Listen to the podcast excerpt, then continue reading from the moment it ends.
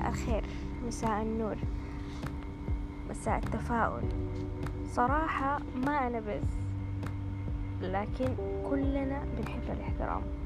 احترام الذات احترام التفاصيل احترام الحدود.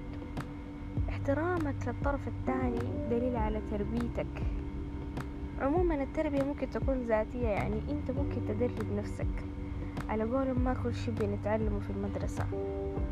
كونك تكون إنسان مقدر خصوصية الطرف الثاني أو إنك واقف وعايز تاخذ الإذن عشان تتعدى حدود ما مسموح لك بيها إلا بإذن يبقى أنت إنسان محترم.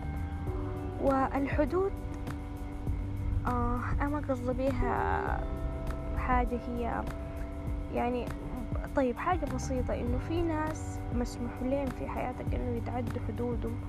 في حاجات معينة يتعدوها معاك أو يتدخلوا في حاجات معينة في حياتك وفي ناس لا. دي الحدود اللي أنا بتكلم عنها.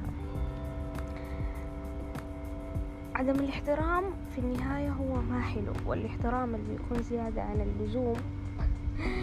زيادة عن اللزوم دي كلمة حاساها ما في محلها لكن الاحترام بيكون بزيادة بيخلي الطرف الثاني يحترمك بزيادة. فالاحترام بيولد التقدير.